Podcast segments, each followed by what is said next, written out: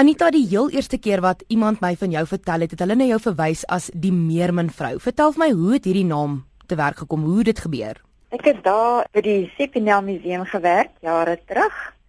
En dit was in 1996. Toe was daar 'n geweldige vloed hier in Oudtshoorn en ons het 'n privaat of ons eie distrik radiostasie gehad, Suid-Kaap Stereo.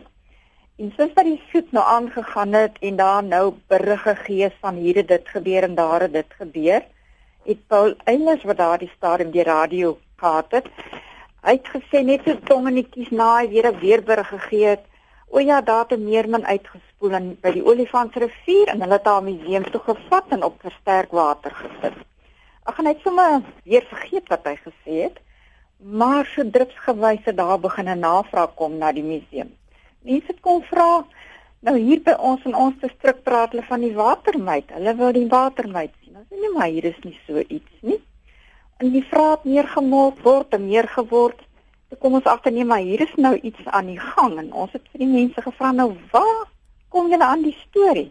Nie die radio het so gesê.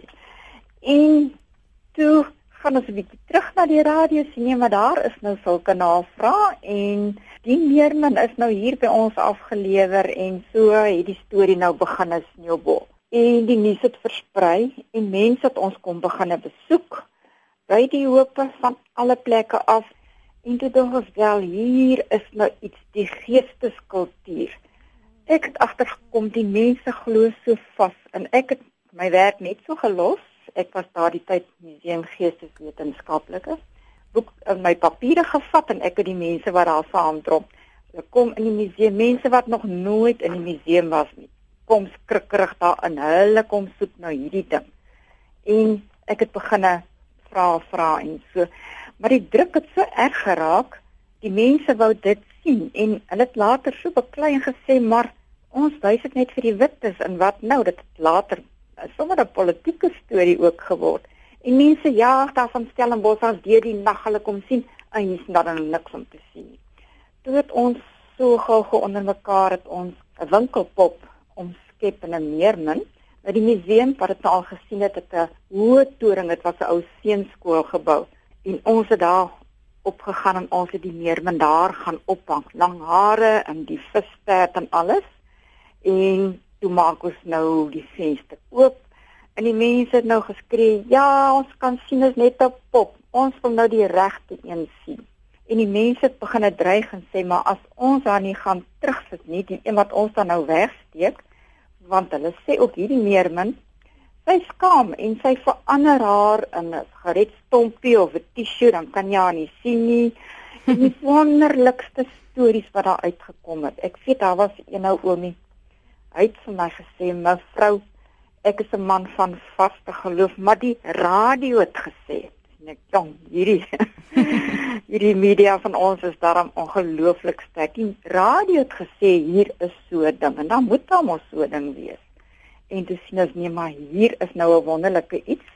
Dis 'n lewende legende hierdie en ek wil meer daarvan weet. En nou kan ons uitstalling aan mekaar sit oor die geesteskultuur wat nog so lewendig in ons moderne tyd wat hulle ry by op die maan en stuur en al die dinge. Maar hierdie bly nog. En ek het ook agtergekom ons sê mos altyd sien is glo. Maar hier het ek agtergekom glo is sien.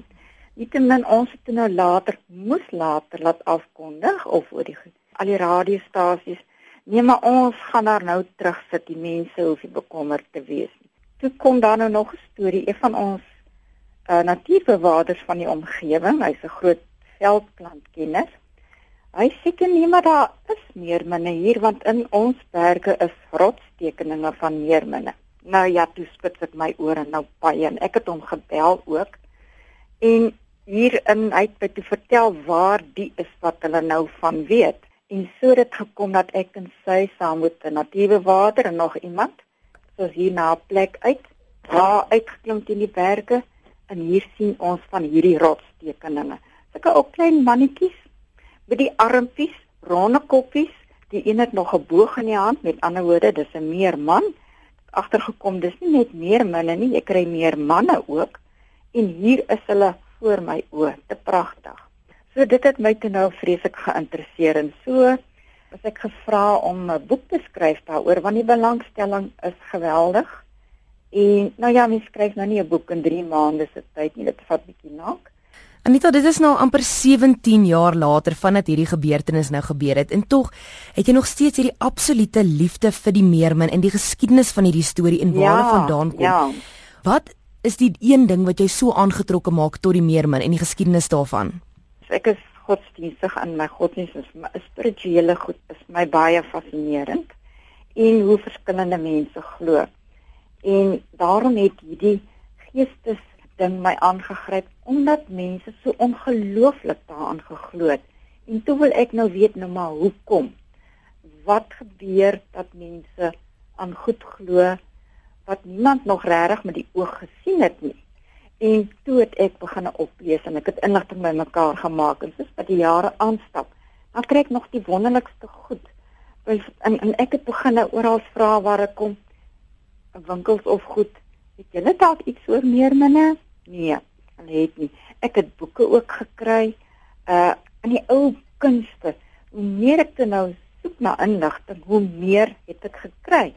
Byvoorbeeld na die middeleeue met die koms van die Christendom al daardie ou gode wat die Romeine en Grieke almal gehad het was gesien as gode. En toe met die Christendom was dit as boos beskou dit mag nie gesien word as gode nie maar nou is die Christendom daar.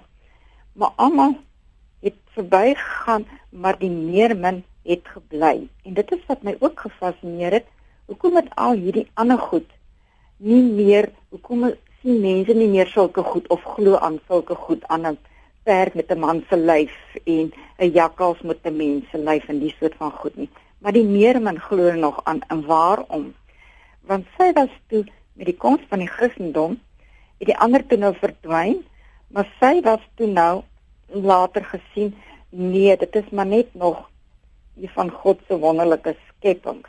En en dit is wat vir my fascineer dat dit so ou ding is en dat die meermin tot vandag toe nog oral uh, tevoorskyn kom.